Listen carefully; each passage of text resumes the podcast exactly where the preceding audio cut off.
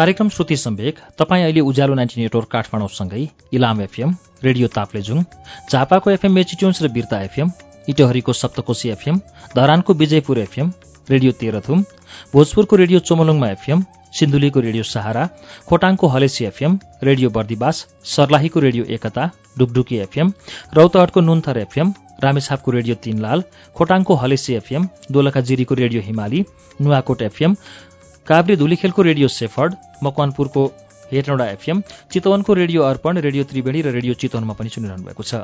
त्यसै गरी फलेवासको रेडियो पर्वत रुकुमको रेडियो सिस्ने पाल्पाको श्रीनगर एफएम पोखराको रेडियो तरङ्ग दमौलीको रेडियो भानुभक्त तनहुँको रेडियो ढोर बाराही र रेडियो बन्द बन्दीपुर र स्मार्ट एफएम बागलुङको रेडियो सार्थी एफएम र गलकोट एफएममा पनि श्रुति सम्वेक सुन्दै हुनुहुन्छ। रेडियो प्युठान दाङको रेडियो मध्यपश्चिम बुटवलको तिनाव एफएम र बुटवल एफएम गुल्मीको रेडियो रेसुङ्गा कपिलवस्तुको रेडियो बुद्ध आवाज रेडियो कोहलपुर सल्यानको रेडियो राप्ती जाजरकोटको रेडियो हाम्रो पाइला दैलेखको ध्रुवतारा एफएम कैलाली टिकापुर र गुलरियाको फुलबारी एफएम कैलाली एफएम दाङको रेडियो प्रकृति एफएम सुर्खेतको रेडियो भेरी र बुलबुली एफएम जुम्लाको रेडियो कर्णाली हुम्लाको रेडियो कैलाश र कालीकोटको रेडियो नयाँ कर्णालीबाट पनि अहिले एकैसाथ श्रुति सम्वेक प्रसारण भइरहेको छ। श्रुति सम्वेकमा हामी बुद्धिसागरको उपन्यास कर्णाली ब्लुजको वाचन सुनिरहेका छौं। यसको बाँकी अंश वाचन अब हुन्छ।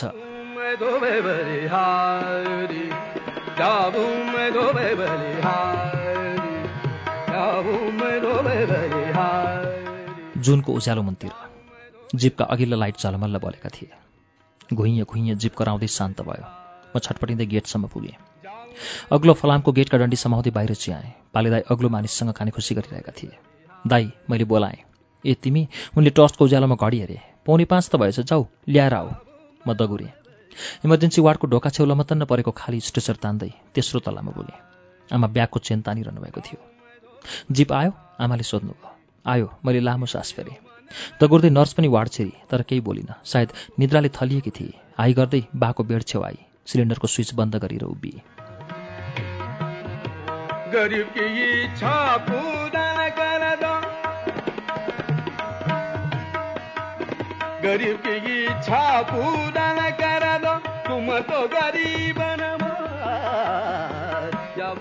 बाको पसिनाले भरिएको ज्यानको पछिल्तिर टाक चुडिएको धर्के सर्ट थुप्रेको थियो रित्तो पेट डडालामा चेपिँदै गएको थियो बटारिएका सेता रौँले भरिएको छाती तलमाथि भइरहेको थियो।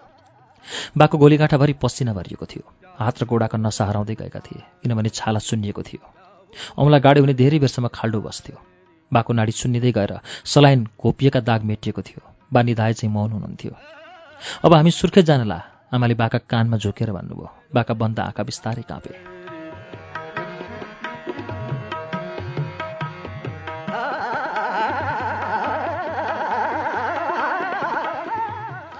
आमाले बाको निलो स्टकोट लगाइदिन भनेर बेडको छेउमा राख्नुभएको थियो। त्यो समाउँथी मतिर हेर्नुभयो। म बाको सिरानतिर बढेँ। मैले बालाई काँधतिरबाट उचाल्न खोजेँ। सकिनँ। नर्सले पनि सहयोग गरी तर काँध उठेन। कृष्णजी बिउजेकै रहेछन्। छेउ आएर बाको काँधमा हात लगाए। काँध अलिकति माथि उचालियो। त्यही मौकामा आमाले स्टकोट भिराइदिनु भयो आमाले अट्ने जति सामान ब्यागमा खोज्नुभयो नअटेका बाका गोल्ड स्टार जुत्ता औषधिका सिसी र ट्याब्लेट कालो पोलिथिन ब्यागमा बाँध्नुभयो। ड्रयरको भित्रपट्टि बाका दुई दाँत भेटिए। के गर्ने भनेर आमा अल्म लिनुभयो। मैले लिएर पाइन्टको जेबमा घुसारेँ। मैले पनि आफ्नो ब्याग बेडमुनतिरबाट ताने। खुब धुलो भरिएको थियो। टकटकाएँ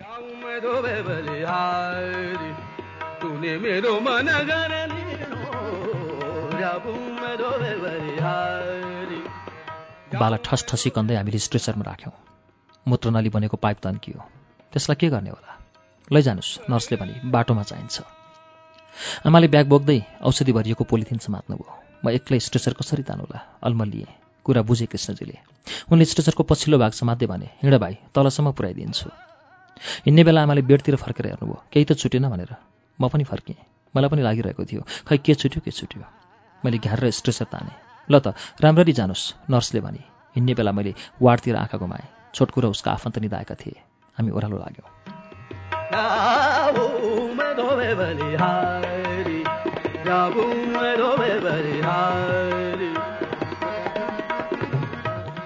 भाइ पाले दाइले मेरो छेउ आएर भने जिपको भाडा पहिला देउरे मैले आमातिर हेरेँ। आमाले फनफनी पटुका खोलेर पैसा झिक्नुभयो।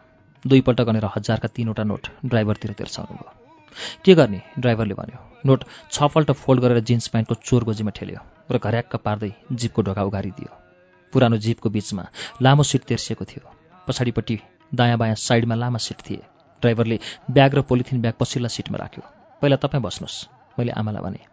आमा लुरुक्क बिचको लामो सिटको दायाँ छेउमा बस्नुभयो। जिप उक्लिँदा आमाका गोडा लगलगी काँपेका थिए। ड्राइभरले अडेसो दिएको थियो।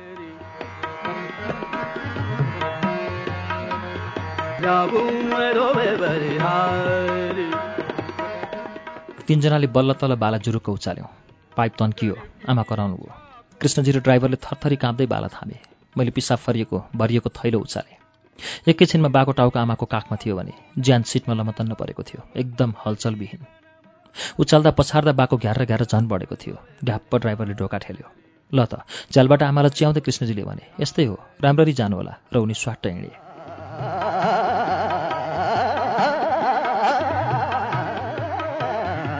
घ्यार घ्यार ड्राइभरले जिप स्टार्ट गर्यो र आफ्नो सिट छेउको ढोका उघारिदियो।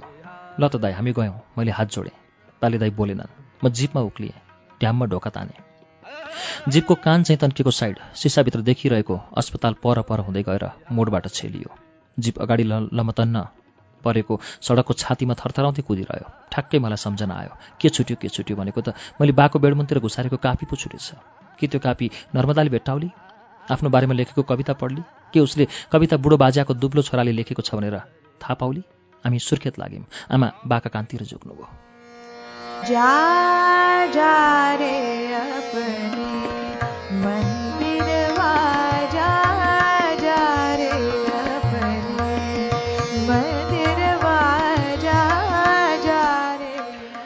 पर आर्मी उभिएको थियो। हामी त चिसापानी आइपुगेका थियौँ। चेकिङका लागि आर्मीभन्दा सय मिटर वरै जिप क्याच रोकियो। चेकिङमा खुब दुःख दिन्छन्।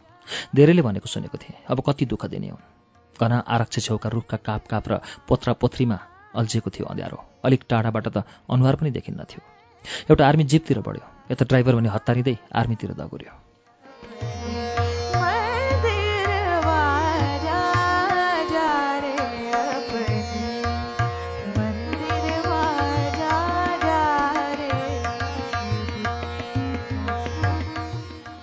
अल्ली पर ससानो बङ्कर थियो जसमा कर्कट पाताका छाना थिए। अगाडि जाली थियो। छेउछाउ बालुवा भरिएका बोरा थुपारिएको थियो। सडकको देब्रेपट्टि भने अग्लो टौवामा बन्दुक हामीतिरै सोझ्याएका आर्मी उभिएको थियो। उता ड्राइभरले बङ्करको जालीभित्र हात छिरायो। यता बुट बजाउँदै एउटा आर्मी जिपको छेउमै आयो। काँधमा भिरेको बन्दुकको नाल तल घोप्टिएको थियो। उसले दायाँ हातमा अठ्याएको तिन सेले टर्चको बिँड टल्किरहेको थियो।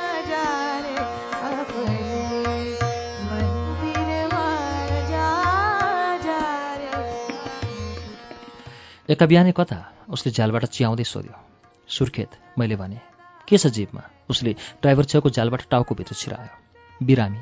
ए उसले बिचको झ्यालबाट आमाको अनुहार हेऱ्यो घ्यार घ्यार र च्याँ च्याँ गरिरहेका बाला हेऱ्यो। पछाडिको ब्यागमा के छ? लुगा आमाले भन्नुभयो प्लास्टिकका औषधि। आमाले घाँटी ख्याक्क गर्दै सफा गर्नुभयो बिरामीलाई कहाँबाट ल्याएको? अस्पताल। मैले भनेपछि उसले फेरि केही सोधेन। एकछिनमा अलिकति कुप्रिएर दगुर्दै ड्राइभर जिपतिर आयो।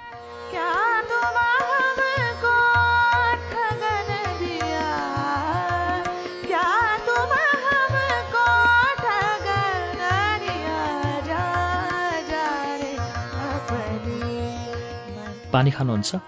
आमा बाको अनुहारतिर झुक्नुभयो। आमाको आवाज सुनेर मैले टाउको पछाडि बटारेँ। बाको दायाँ हात आमाको गर्दनमा माला चाहिँ झुन्डेको थियो। आमाले पनि बाको टाउको आफ्ना नाडीले अड्याउनु भएको थियो। जिपको थरथराहाटसँगै बाको टाउको हल्लिरहेको थियो। आमाले मिनरल वाटरको बिर्को खोल्दै बाको मुखतिर ढल्काउनु भयो बाले कलेटी परेका ओठ अलिकति उगार्नु भयो बाको रुद्रघन्टी केक्लिक्क हल्लियो। ओठका चेपचेपबाट पानी बाहिर निस्कियो। च्याँ च्याँ आवाज निस्कियो। मानौ बाको घाँटीभित्र सयौँ जुका लुकेका छन्।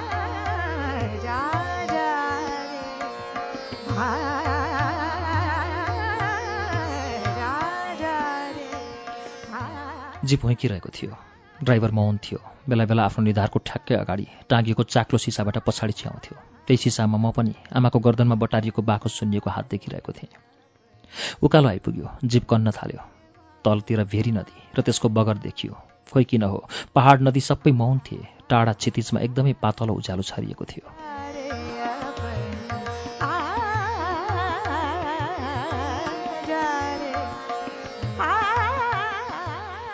सडकका किनारै किनार भुइँ ठुगिरहेका चरा जीपको आवाजले तर्सिएर भुरेर उडिरहेका थिए। हामी हरिया आइपुग्यौँ आमाले भन्नुभयो।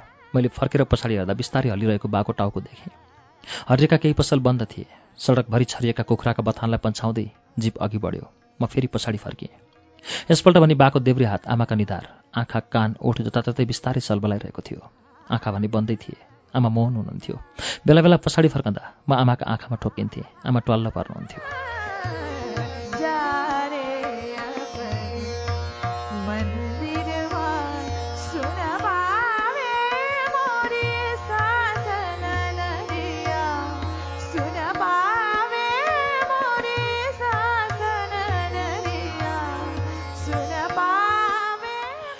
मैले झ्यालको सिसा अलिकति तल झारेँ।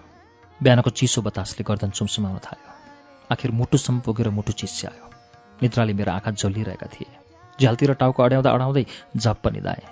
बाको फरफराइरहने निलो इष्टकोट र दाँत बाहिर निस्केको मुस्कान आँखाका डिल डिलमा दगुर्यो। झस्कँदै उठेँ। छिन्चु बजार आइसकेको रहेछ।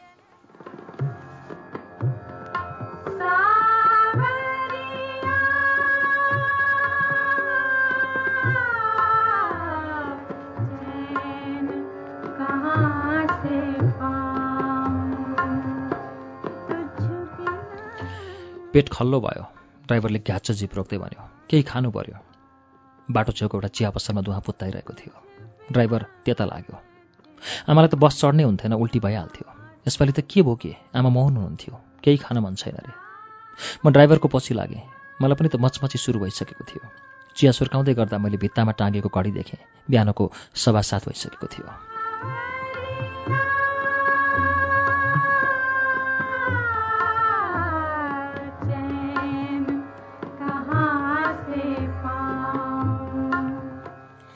ड्राइभर हतार हतार चिया र बिस्कुट खाइरहेको थियो। मैले हतार हतार चिया सकेँ। एक गिलास मनतातो दुध लिएर जिपतिर दगुरेँ। आमा बाको अनुहार हेर्दै टोलाइरहनु भएको थियो। मैले गिलास थिएँ दुध खानुहुन्छ? आमाले अलिक चर्को आवाजमा सोध्नुभयो। आमालाई थाहा थियो बाले कान कम सुन्न थाल्नुभएको छ। कमिलाले दुबो हल्लाए चाहिँ बाले सुस्तरी टाउको हल्लाउनु भयो आमाले पटपटी फुट्न थालेका बाका ओठ दुधले भिजाइदिनु भयो बाको लेउ जमे जस्तो जिब्रो ओठ वरिपरि कस्रियो।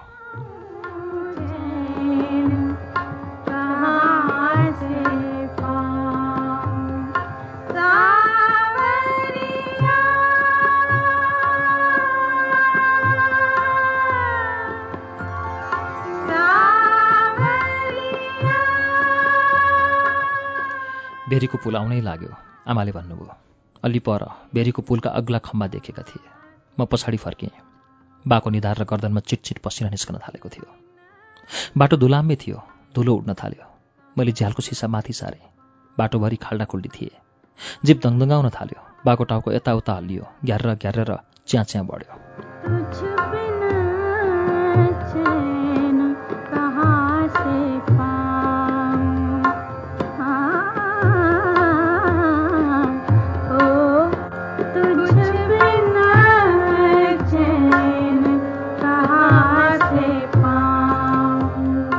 मुकुस मुकुस भए चाहिँ बा छटपटिनुभयो आमाको अनुहार सलबलाइरहेको बाको हत्केला। जालको सिसामा सलबलाउन थाल्यो।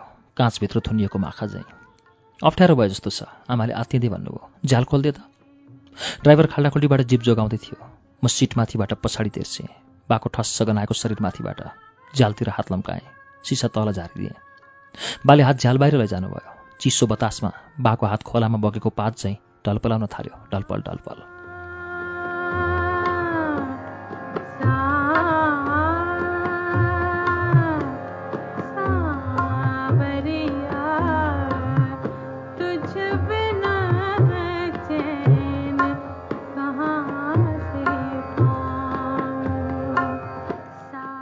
अगाडि अप्ठ्यारो खाल्डो रहेछ। ड्राइभरले सावधानीपूर्वक खाल्टाका डिल डिलबाट जिप गुडाउन खोज्यो। भएन जिप धर्मर आयो। मैले च्याप्प सिट समाएँ। जिप खाल्डोबाट जोगिएर अघि बढ्ने बेला मैले बाको आवाज सुने उक्क! म पछाडि फर्किएँ। बाको थोतेर सुक्खा मुखबाट हरियो फिज बाहिर निस्केको थियो। जिपले रफ्तार लियो।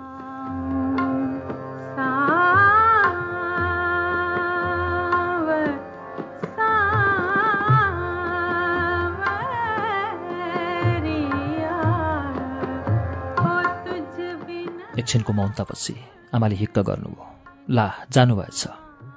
म बोल्नै सकिनँ। छाती चस्स दुख्यो। मेरो आँखा अगाडि अँध्यारो भयो। जिप क्याच रोकियो। पछाडिबाट हुर्रिँदै आएको धुलोले जिपलाई छोप्यो। मैले बाको अनुहार हेरेँ। शान्त थियो। कुनै छटपटी थिएन। पीडा थिएन। आँखा बन्द थिए। बाको दाहिने आँखातिरबाट एक धार आँसु तप्किएर मसिनो धर्को बनेको थियो। आमाले थर्र काँप्दै झ्याल बाहिर तिर्सिएको हातभित्र तानिदिनु भयो हात छिनालिएको हाँगा चाहिँ फत्राक्क आमाको काखमा खस्यो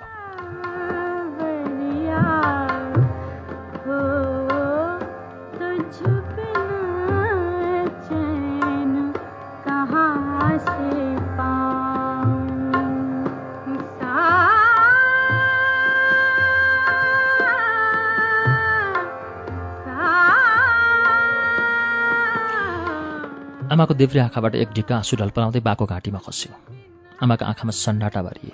अनुहार पनि ढुङ्गा जस्तो कठोर थियो। मैले ड्राइभरलाई हेरेँ। ऊ भेरीको पुलतिर हेरिरहेको थियो। मौन। बाटो छेउका रुख पनि मौन थिए। जिपलाई गहिरो सन्नाटाले निल्दै गइरहेको थियो। बाको घ्यार र च्याच्या पनि थिएन। एकछिनपछि आकाशमा कलिलो सूर्य उदायो। बाको अनुहारमा भने बुढो सूर्य अस्त आयो। मैले हिक्का थाम्दै भने जाम। जिप थरथर आयो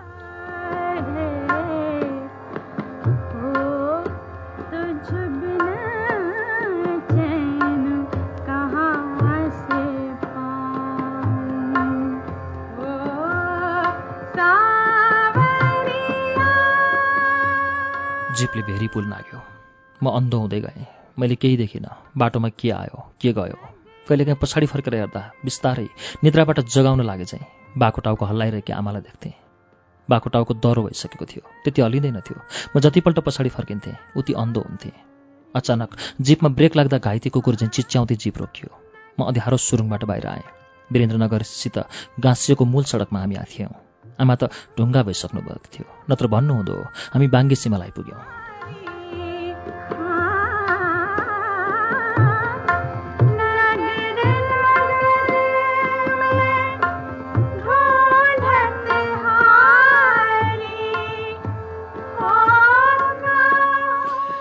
यही बाङ्गे सिमलबाट उकालो लाग्ने हो भने त रतु पुगिन्थ्यो जहाँ अझै बाका पैतालाका अवशेष भेटिएलान् बा यही बाटो नै त मटेरा झर्नुभएको हो। ड्राइभर साइड सिसा हेर्दै अत्तालियो पछाडिबाट दुईवटा आर्मी दगुर्दै आइरहेका थिए हस्याङ फस्याङ रिसले चुर। छेउमा आइपुग्ने बित्तिकै एउटाले जिपमा बुट बजार्यो दडायाममा। हान्दिउँ अर्कोले ड्राइभरतिर बन्दुक तिर्स्यायो अर्कोले फेरि बुट बजार्दै चिच्यायो। गाडी किन रोकिनस्? र नराम्रो शब्द बोल्यो। ड्राइभरको अनुहार निलो भयो। उसले त बेतोडले जिप आँक्दा बाटो छेउ हात ठडाएका आर्मी देखेन छ माफी माग्न थाल्यो। के छ जिपमा? फेरि बुट बजार्दै एउटाले सोध्यो।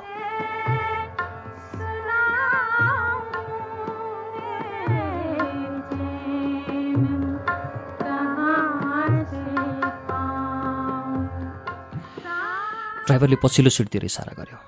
एउटा हुत्तिँदै आएर घर्याकको ढोका खोल्यो। देख्यो एउटी ढुङ्गा भइसकेकी दुब्ली आइमाई जसका आँखामा आँसु थिएन।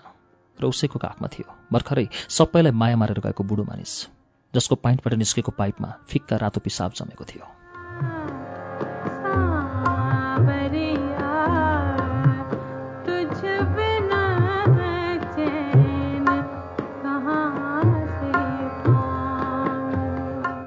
आर्मी हच्कियो र बिस्तारै ढोका लगाइदियो। उनी न्याउरो भयो। एकछिनको मौनतापछि उसले बिस्तारै भन्यो राम्ररी जानुहोस् यस्तै हो जिन्दगी। मानव बाले अगाडि हामीलाई कुरिरहनु भएको छ भेट्नु छ। त्यसरी जिप दगुर्यो बेसमारी। एकदम बेसमारी। बेसमारी।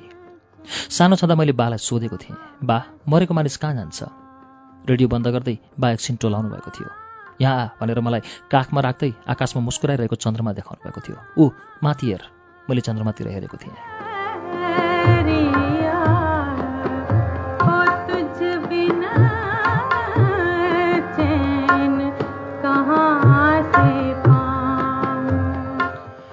मेरो गालामा आफ्ना ठुटेदारी दल्दै बाली भन्नुभएको थियो। मरेको मान्छे माथि माथि अझ माथि जान्छ। चन्द्रमाभन्दा माथि जान्छ। त मेरो काखमा बसे झैँ भगवान्को काखमा बस्छ। त बेला बेला रुन्छस् नि त्यसरी कहिल्यै रुँदैन कहिल्यै दुःख पाउन्न सधैँ सुखी हुन्छ बुझिस्?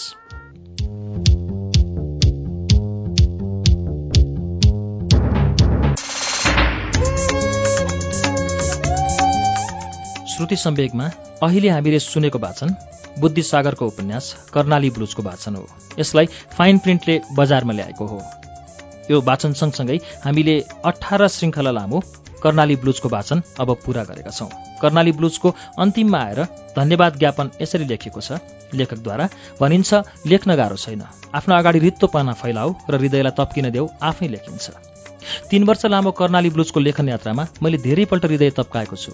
कतिपल्ट आफै हाँसेको छु कतिपल्ट आफै रोएको छु। कतिपल्ट कुनै अध्याय राम्रो भएकोमा सडकमा एक्लै रमाउँदै हिँडेको छु। कतिपल्ट नराम्रो भएकोमा भित्रभित्रै आफैदेखि मुरमुरिँदै हिँडेको छु। धेरैपल्ट म आफ्ना पात्रहरूसितै रमाएँ ठुलो महफिल जमाएँ। म तिनलाई रुवाउन सक्थेँ हँसाउन सक्थेँ। अब ती मेरा हातबाट फुत्केका छन् फेरि म नितान्त एक्लो भएको छु। अब ती मेरा पात्र रहेनन् ज जसले पढ्छन् तिनकै हुनेछन्।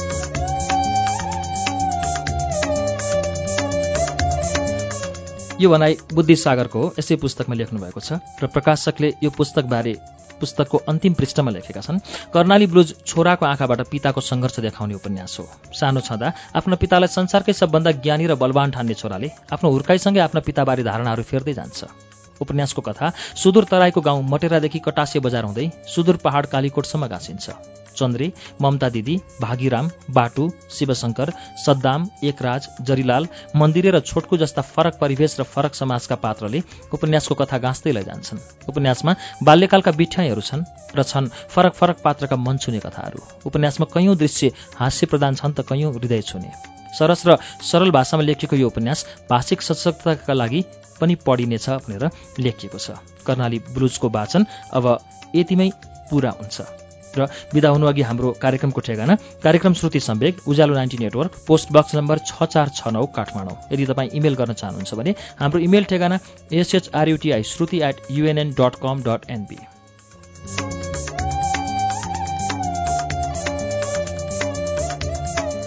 हवस् त अर्को साता गुरुप्रसाद मैनालीको कथा सङ्ग्रह नासोका कथाहरू लिएर आउनेछौँ त्यसअघि शुक्रबारको श्रुति सम्वेगमा पनि नासोकै कथाहरू सुनिनेछ। आजका लागि प्राविधिक साथी उदय घिमिरे र म अच्युत घिमिरे बिदा चाहन्छौ। शुभरात्री।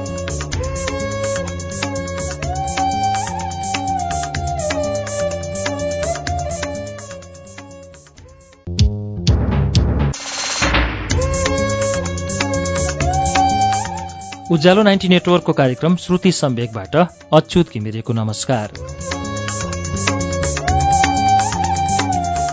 उज्यालो नाइन्टी नेटवर्क काठमाडौँसँगै देशभरिका विभिन्न एफएम स्टेशनहरूबाट एकैसाथ हरेक मंगलबार र शुक्रबार राति सभा नौ बजे कार्यक्रम श्रुति सम्वेक प्रसारण हुन्छ।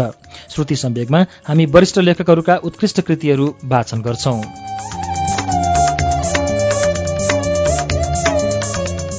श्रुति सम्वेकको मंगलबारको श्रृङ्खलामा हामी विगत अठार श्रृङ्खलादेखि बुद्धिसागरको उपन्यास कर्णाली ब्लुज सुन्दै आएका छौं। फाइन प्रिन्टले प्रकाशनमा ल्याएको यो उपन्यासको अन्तिम श्रृङ्खला आजको कार्यक्रममा वाचन हुन्छ। बुद्धिसागरको उपन्यास कर्णाली ब्लुजको अन्तिम श्रृङ्खला अब वाचन शुरू हुन्छ पृष्ठ तीन सय पचपन्नबाट।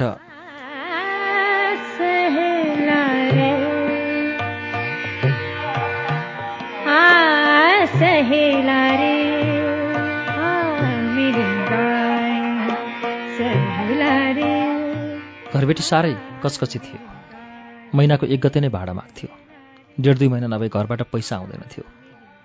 पैसा पठाउन थाल्नु भएको थियो। ढिलो हुन्थ्यो। त्यसैले बाले अचेल दुई तिन महिनाको पैसा एकैपल्ट पठाउन थाल्नुभयो। पैसा बोकेर आएका मान्छेको फोन आयो भने घरबेटीले पनि मुसुक्क हाँस्दै बोलाउन आउँथ्यो।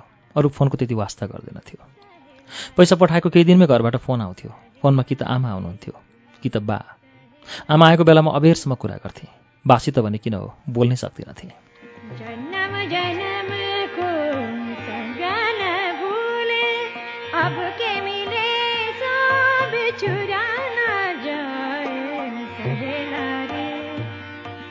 काठमाडौँ आएको पनि तिन वर्ष भइसकेको थियो।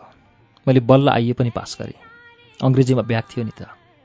अरू विषय त मजाले पास गरेँ। इस कहिलेकाहीँ आफैलाई लोप्पा खुवाउन मन लाग्थ्यो। खुब चिट चोरेर पास भएकोले पनि काठमाडौँमा पढ्नुपर्ने हरेक दिन काठमाडौँमा नराम्रा समाचार मात्र छापिन्थे। कालीकोटतिरको समाचार छापिएको दिन म पत्रिका पढ्दै टोलाउँथेँ मलाई थाहा थियो अचल सदरमुकाममा व्यापार छैन। पैसा बोकेर आउनेहरू पनि सुनाइदिन्थे। बाजा त बुढो हुनुभएको छ। बजै दुब्लाउनु भएको छ। व्यापार छैन चिन्तित हुनुहुन्छ।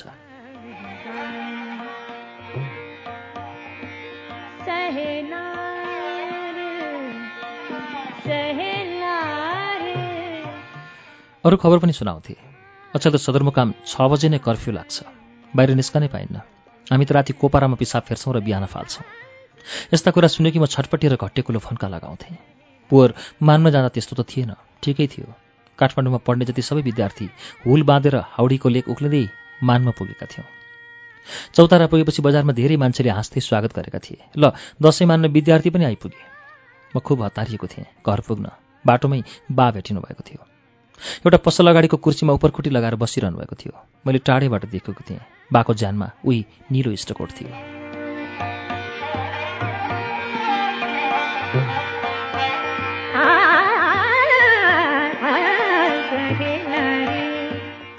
मलाई देख्ने बित्तिकै खुसी हुँदै भन्नुभएको थियो बाले। ए आइपुगिस्। मैले बाला ढोकेको थिएँ। भाग्यमानी भएस्। बाले आफ्ना दुब्ला हातले मेरो कपाल चम्सुमाउनु भएको थियो। ल छोरा आइपुगे बाज्या। पसलका साउजी हाँसेका थिए। लक्का जवान भइसकेका रहेछन्। बा हाँस्नु भएको थियो। थोती मुस्कान। बाले अगाडिका दाँत लगाउनु भएको थिएन त्यतिखेर। बा अघि अघि चप्पल पड्काउँदै हिँड्नुभयो। म पछि लागेँ। बा अघि पछि भन्दा छिटो हिँड्नु भएको थियो।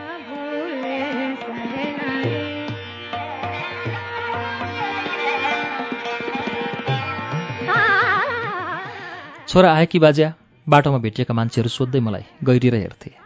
अँ आयो बाले भन्नुभयो। म आएको देखेर हाम्रो दोकान वरपरका साउजी पनि उज्यालो अनुहार बनाउँदै बाहिर निस्केका थिए। आमा पनि हतारिँदै बाहिर आउनुभएको थियो। मलाई देख्ने बित्तिकै आमाले आँसु पुस्नुभयो। मैले त्यस रात अघिल्ला छेउ बसेर काठमाडौँका कुरा सुनाएको थिएँ। ठ्याक्कै पहिलोपल्ट उडेको फर्केको बचेराले आकाशको बयान गरे चाहिँ गुण्ड सहेर बसेका बुढा पन्छी चाहिँ बाह्र आमा रातभरि मुसु मुसु हाँस्नु भएको थियो।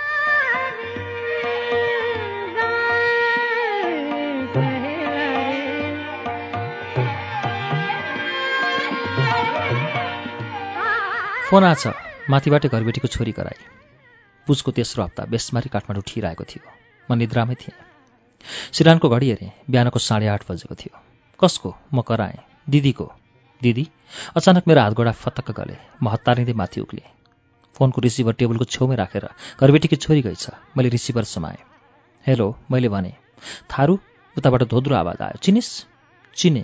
म को भन् त? पार्वती दिदी। मेरो आवाज मलिन भयो हात काँपे रिसिभरले छोपेको कान तातो भयो।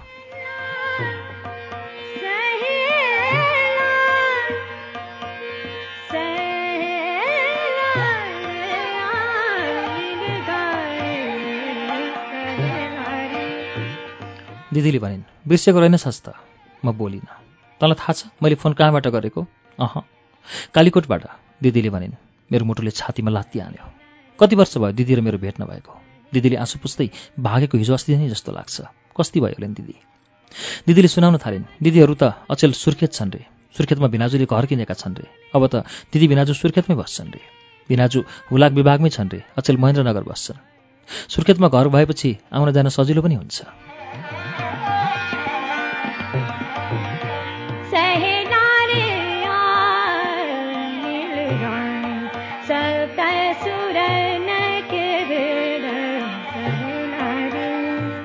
हामीले कटासी छाडेको एक वर्षपछि दिदी जाँदा त कटासी रित्तो थियो।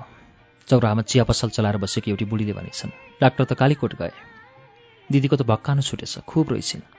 बिनाजुले नै सम्झाएछन् नरो ऊ कालीकोट नै जाउँला। आखिर आठ वर्षपछि दिदी कालीकोट पुगिछन्। आमा र दिदी त रातभरि रहेछन् दिदीले सोधिन् अनि भन् त घर किन नआएको हेलिकप्टर पाइन मलाई हिक्का छुट्ला जस्तो भयो। हामीले पनि बल्ल बल्ल हेलिकप्टर पायौँ दिदीले भनिन् अब त कहिले फर्किनस् कि के हो? बिए पास गरेर फर्किन्छु। हेर त्यसरी काठमाडौँ नबस। दिदीको आवाज रुन्ची भइहाल्यो। तँलाई थाहा छ कि छैन? पोहोर नेपालगञ्ज सामान दिन जाँदा बाटो सडकमै चक्कर आएर ढल्नु भएछ। मेरो मुटु चिसो भयो। दोकानमा पनि एक दुई थान कपडा छन्। बाह्र आमा टुक्रुक्क बस्नुहुन्छ। मलाई त गाँस निल्न पनि गाह्रो भएको छ। मेरो आँखा राता भए। बाले घर पनि बैङ्कमा राख्नु भएको छ। व्यापार भए पो तिर्नु। बाको पेट पनि दुखेको दुखै गर्छ। आमा चिन्तै चिन्ताले दुब्लाएर मर्न लाग्नु भएको छ। मेरो आँखा धमिला भए।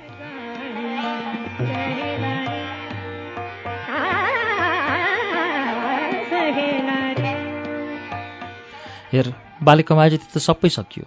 बा रात दिन सोचेको सोचै गर्नुहुन्छ अरे। ब्लड प्रेसर पनि बढेको छ। केही भइहाल्यो भने? दिदीका हिक्का छुटे। मेरो आँखा अगाडि अँध्यारो छाउँदै गयो। उभिनै गाह्रो भयो। हेर फेरि दिदी बोल्न खोज्दै थिइन् मैले हिक्का थाम्न सकिनँ। तातो आँसु छातीतिर झऱ्यो नरो रुँदै दिदीले भनिन् दिउँसो आमाले कुरा गर्न आउँछु भन्नुभएको छ। म त सुटुक्क कुरा गर्न आकियो त्यसपछि मैले केही सुन्नै सकिनँ। कान पनि बन्द भए जस्ता भए। कति बेला हो? दिदीले त फोन राखिसकेकी थिए।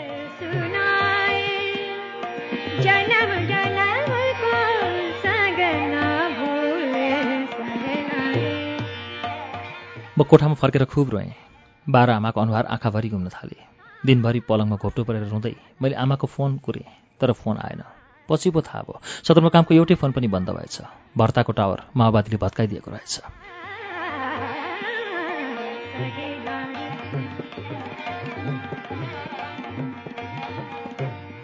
फोन नभएपछि बाह्र आमाको आवाज पनि सुन्न पाइनँ। कालीकोटतिरबाट मान्छे पनि काठमाडौँ आउनै छाडे जस्तो भयो। खबर पाउनै मुस्किल। कहिलेकाहीँ झुक्किएर काठमाडौँ आइपुगेका मान्छेसित पैसा र झिनो खबर आइपुग्थ्यो। बाजा र बजै सन्चै हुनुहुन्छ। केही महिना अघि बाह्र आमा सुर्खेत झर्नुभएको थियो अरे। हेलिकप्टर कालीकोट आएको मौका पारेर। मौकाले नै कालीकोट फर्किनु भएछ। सुर्खेतबाट पनि मलाई फोन गर्नुभएको थियो अरे। म कोठामा थिइनँ। पछि घरबेटीले सुनाएको थियो। फागुन लागिसकेको थियो। बिए दोस्रो वर्षको परीक्षा वैशाखमा थियो। म त्यसकै तयारीमा थिएँ। परीक्षा सकिने बित्तिकै म कालीकोट पुग्छु। म सोच्थेँ। युद्धविराम पनि भएको थियो। हेलिकप्टर नपाए हिँडेरै जाउँला भन्ने मन बनाएको थिएँ।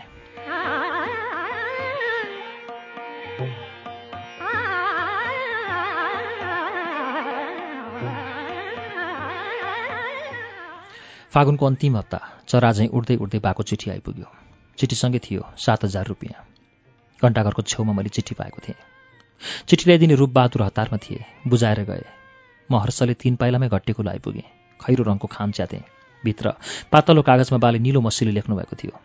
छोरा वृषबहादुरलाई हामी मातापिताको तर्फबाट शुभ आशीर्वाद छ। यहाँ सकल परिवारमा आराम छ। तहाँ तिमीलाई सदा ईश्वरले आराम राखुन्। यहाँको परिस्थिति हाल्न ठिकै छ। परिस्थिति राम्रो भएको खण्डमा दसैँ बिदा ताकमा घर आउनु। पढ्ने काममा मन लगाउनु। अरू खबर अहिलेसम्म ठिकै छ। पत्र प्राप्त हुँदासाथ सम्पूर्ण जानकारी खुलाइ पत्र पठाउनु। व्यापार सामान्य छ। सुर्खेततिरको समाचार केही पाइँदैन। फोन बिग्रिरहेको छ। नयाँ समाचार केही छैन।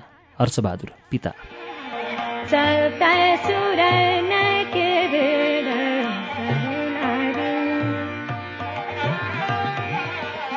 मैले चिठी दोहोऱ्याइ तेह्राइ पढेँ बाको थोती हाँसो सम्झेँ र आमाको ओठको सूर्यमुखी चिठी पठ्याएर खामभित्र राख्दै सिरानमा च्यापेँ। त्यस रात धेरै पछि म गहिरो निधाएको थिएँ। म यसरी निधाएँ मानौ मैले शिर आमाको काखमा राखेको छु। त्यही नै बाको अन्तिम चिठी थियो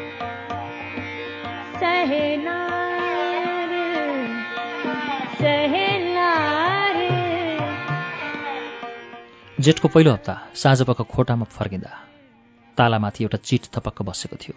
तुरुन्त कोवलपुर टिचिङ हस्पिटल जाने। ड्याडी बिरामी हुनुहुन्छ। दुई तिसमा फोन आएको थियो। म रातभर छटपट्टिएको थिएँ। छातीमा मट्याङ्ग्रा बजारिएर भुइँमा खसेको भङ्गेरा चाहिँ।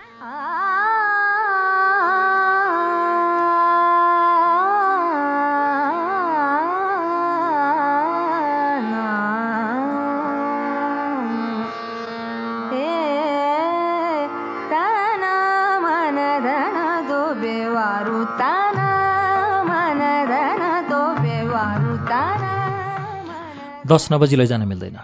किन मिल्दैन? पैसा तिर्नुभयो नर्सले सोधी। म बोलिनँ अस्पतालमा हामीले कति तिर्नु छ मलाई थाहा थिएन। जे गर्नु छ बिहान गर्नु होला नर्स च्याटी जानुस् ऊ टेबलमाथिको तेर्सिएको फाइलमा घोप्टी। प्यान्टको गोजीभित्रका मेरो हात पसिनाले भिजे। म उसको अगाडि उभिरहेँ। उसले फाइलमाथि घोप्टिएको टाउको उठाइन। मतिर हेर्दै हेरिन। म सुरुक्क बाहिर निस्केर वार्डतिर सोझिएँ। नर्मदा भएको भए? अझै किन नर्मदा आइन? रातिको सभा बाह्र बजिसकेको थियो। वार्डमा सन्नाटा भरिएको थियो। के कुना कुनामा काल लुकेर बसेका छन्?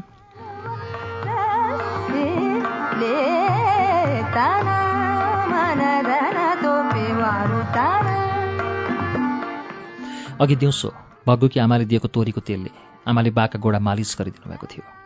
आमालाई लाग्थ्यो मालिसले रक्त सञ्चार बढ्छ टाइममा शुद्धि किन आएन? बेला बेला आमा फतफताउनुहुन्थ्यो एकहोरो बाका गोडा मालिस गरिरहेकी आमालाई म कसरी भनौँ? बाका गोडा मरिसकेका छन्। अब ती भाँचेका रुखका हाँगा जस्ता छन्। एकदम निर्जीव। छोटको निधाएको थियो। कृष्णजी छोराको बेडमा टाउको ढल्काएर निधाएका थिए। उनले दिउँसो भनेका थिए यस्तो ठाउँमा उपचार हुन्छ? म मेरा छोरालाई लखनऊ पुर्याउँछु। उनी पिलपिल गर्थे।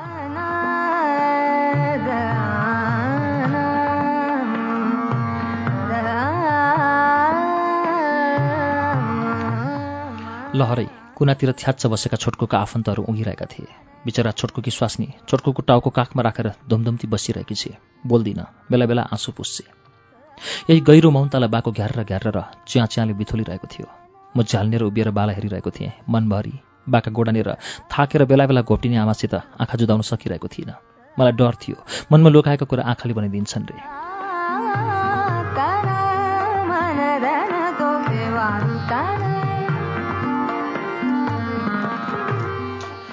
साढे दस बजे दशा लाग्छ अरे साढे बाह्र बजी दशा लाग्छ। सबै यस्तै भन्थे। ठिक यही समयमा बाको घ्यार घ्यारेर च्याँ च्याँ बढेर गयो। लाग्थ्यो घाइते बाघ ढोकामा उभिएर कराइरहेको थियो। बा छटपटिनु भयो। बेड हलिएपछि आमा गहिरो थकान र मौनताबाट बिउजनु भयो। बाका आँखा उग्रिए। पानी सुक्दै गएका सुक्खा आँखा ठुल्ठुला भए। के भयो? आमाले बाको निधार सुमसुमाउँदै भन्नुभयो। नछटपटाउनुहोस् बाले दिउँसोदेखि सुन्निँदै गएको देब्रे हात उचाल्नुभयो। सासले धमिलो बनाएको मास्कतिर इसारा गर्नुभयो। केही भन्न खोज्नुभएको हो बाले टाउको तलमाथि हल्लाउनु भयो आमाले हतारिँदै मास्क खोलिदिएर निधारमाथि राखिदिनु भयो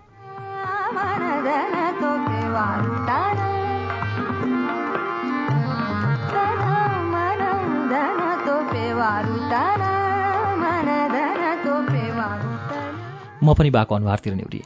बाले एकदम गहिरा दसिएका र कुवा जस्ता आँखाले मलाई हेर्नुभयो। म रन्थनिएँ। बाले मुख खोल्नुभयो तर आवाज निस्किएन। ग्यारेर घ्यारेर च्याँ च्याँ बढ्दै गयो। बाले फेरि कोसिस गर्नुभयो तर उही ग्यारेर घ्यारेर च्याँ च्याँ यसरी भएन। बाले मुख उगार्नुभयो र देब्रे हातको बुढी औँलाले मुखतिर इसारा गर्नुभयो। आमाले आत्तिएर मतिर हेर्नुभयो। म त आमातिर हेरिरहेको थिएँ। के पानी? आमाले अन्दाज गर्नुभयो। त्यो पनि होइन रे। बाले गर्दन यताउता बठार्नुभयो। खोइ बाले के भनेको? आमाले बुझ्नु भएन। थ्याच्च बस्नुभयो। फेरि बाले आमालाई कोट्याउँदै मुखमाथि मुड्की झट्कार्नुभयो।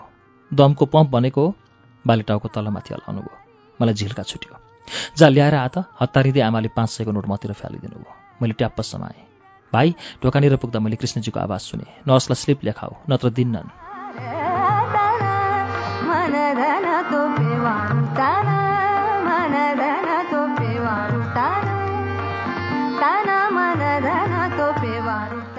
नर्सले निद्राले झोलिएका आँखाले मलाई हेर्दै भने डाक्टरलाई नसोधी लेखिदिनु मिल्दैन।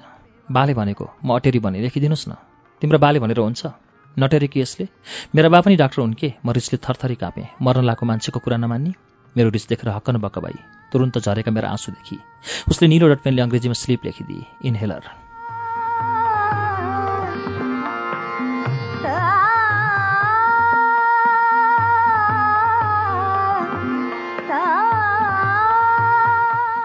म हुरी झैँ फार्मेसीमा पुगेँ। फार्मेसीभित्र ट्युबलाइटको दुधिलो प्रकाशमा केटो रिसिभर कानमा टाँसेर खितखिताइरहेको थियो। कर्के आँखाले मलाई हेर्दै एकछिन है भन्ने इसारा गर्यो। मैले सिसा मुन्तिरबाट स्यार र स्लिपभित्र छिराइदिएँ पाँच मिनट भयो केटो हाँसिरहेको थियो। मलाई भाउन्न भएर आयो। सिसा फुटे पनि फुट्ला भनेर ड्याङ्ग मुड्की बजारेँ। केटो तर्सियो र झर्किँदै मतिर हेऱ्यो। मैले स्लिपमाथि हत्केला बजारेँ। उसले रिसिभर काउन्टरमाथि राख्दै स्लिप हेऱ्यो। अनि बुढाले अनि एउटा बट्टासँगै खुद्रा पैसा मतिर हुर्याइदियो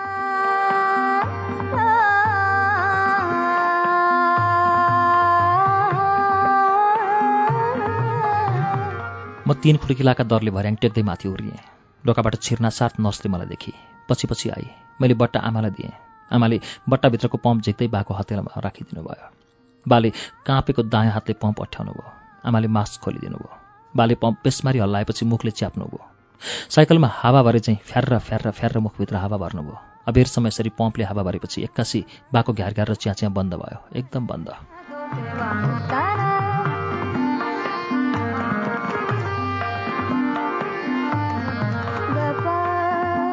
ल भयो त कृष्णजी जुरुक्क उठे। आमाको अनुहारमा खुसीको इन्द्रणी देखियो। म नर्सलाई कर्के नजरले हेर्दै झ्यालमा अडेस लागेँ। फिल्ममा युद्ध सकेपछि सिपाहीले फत्राक्का बन्दुक फ्याले चाहिँ बाले बेड छेउ पम्प फालिदिनु भयो। सबै हेरिरहेकी नर्स चुपचाप वार्ड बाहिर निस्के। बाले घ्यार घ्यार र च्याँ च्याँ विहीन सास फेर्नुभयो अबेरसम्म। अनि आमाको हात समात्दै बरबराउनु भयो मलाई यहाँ नराख सुर्खेत लैजा। आमाले खुइए सुस्केर हाल्नुभयो बाको बरबराहाट सुनेर फेरि वार्ड छिरेकी नर्स टक्क अडी मैले याचना भरिएका आँखाले उतिर हेरेँ। उसले पनि मतिर हेरिरहेकी थिए। आँखा ठोक्किँदा खङ्ग्रङ्ग भई यहाँ आउनुहोस् उसले भने। म उसको छाया चाहिँ पछि पछि वार्ड बाहिर निस्केँ। यस्तो गर्नु त नहुने हो। ऊ अफिस कोठाको कुर्सीमा थ्याच्च बसी। दुवै हात टेबुलमा राखी। उसका औँला बिस्तारै काँपिरहेका थिए। ऊ म उभिरहेँ। बिहानै लैजानुहोस् उसले भने। म नदेखे जस्तो गर्छु। मेरो आँखा टिलपिल भए। ऊ मतिर हेर्दै मलिन हाँसी।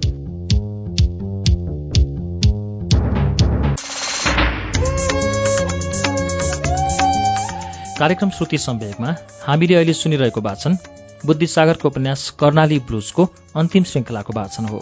यसको बाँकी अंश केही बेरमा वाचन हुनेछ। उज्यालो सुन्दै गर्नुहोला।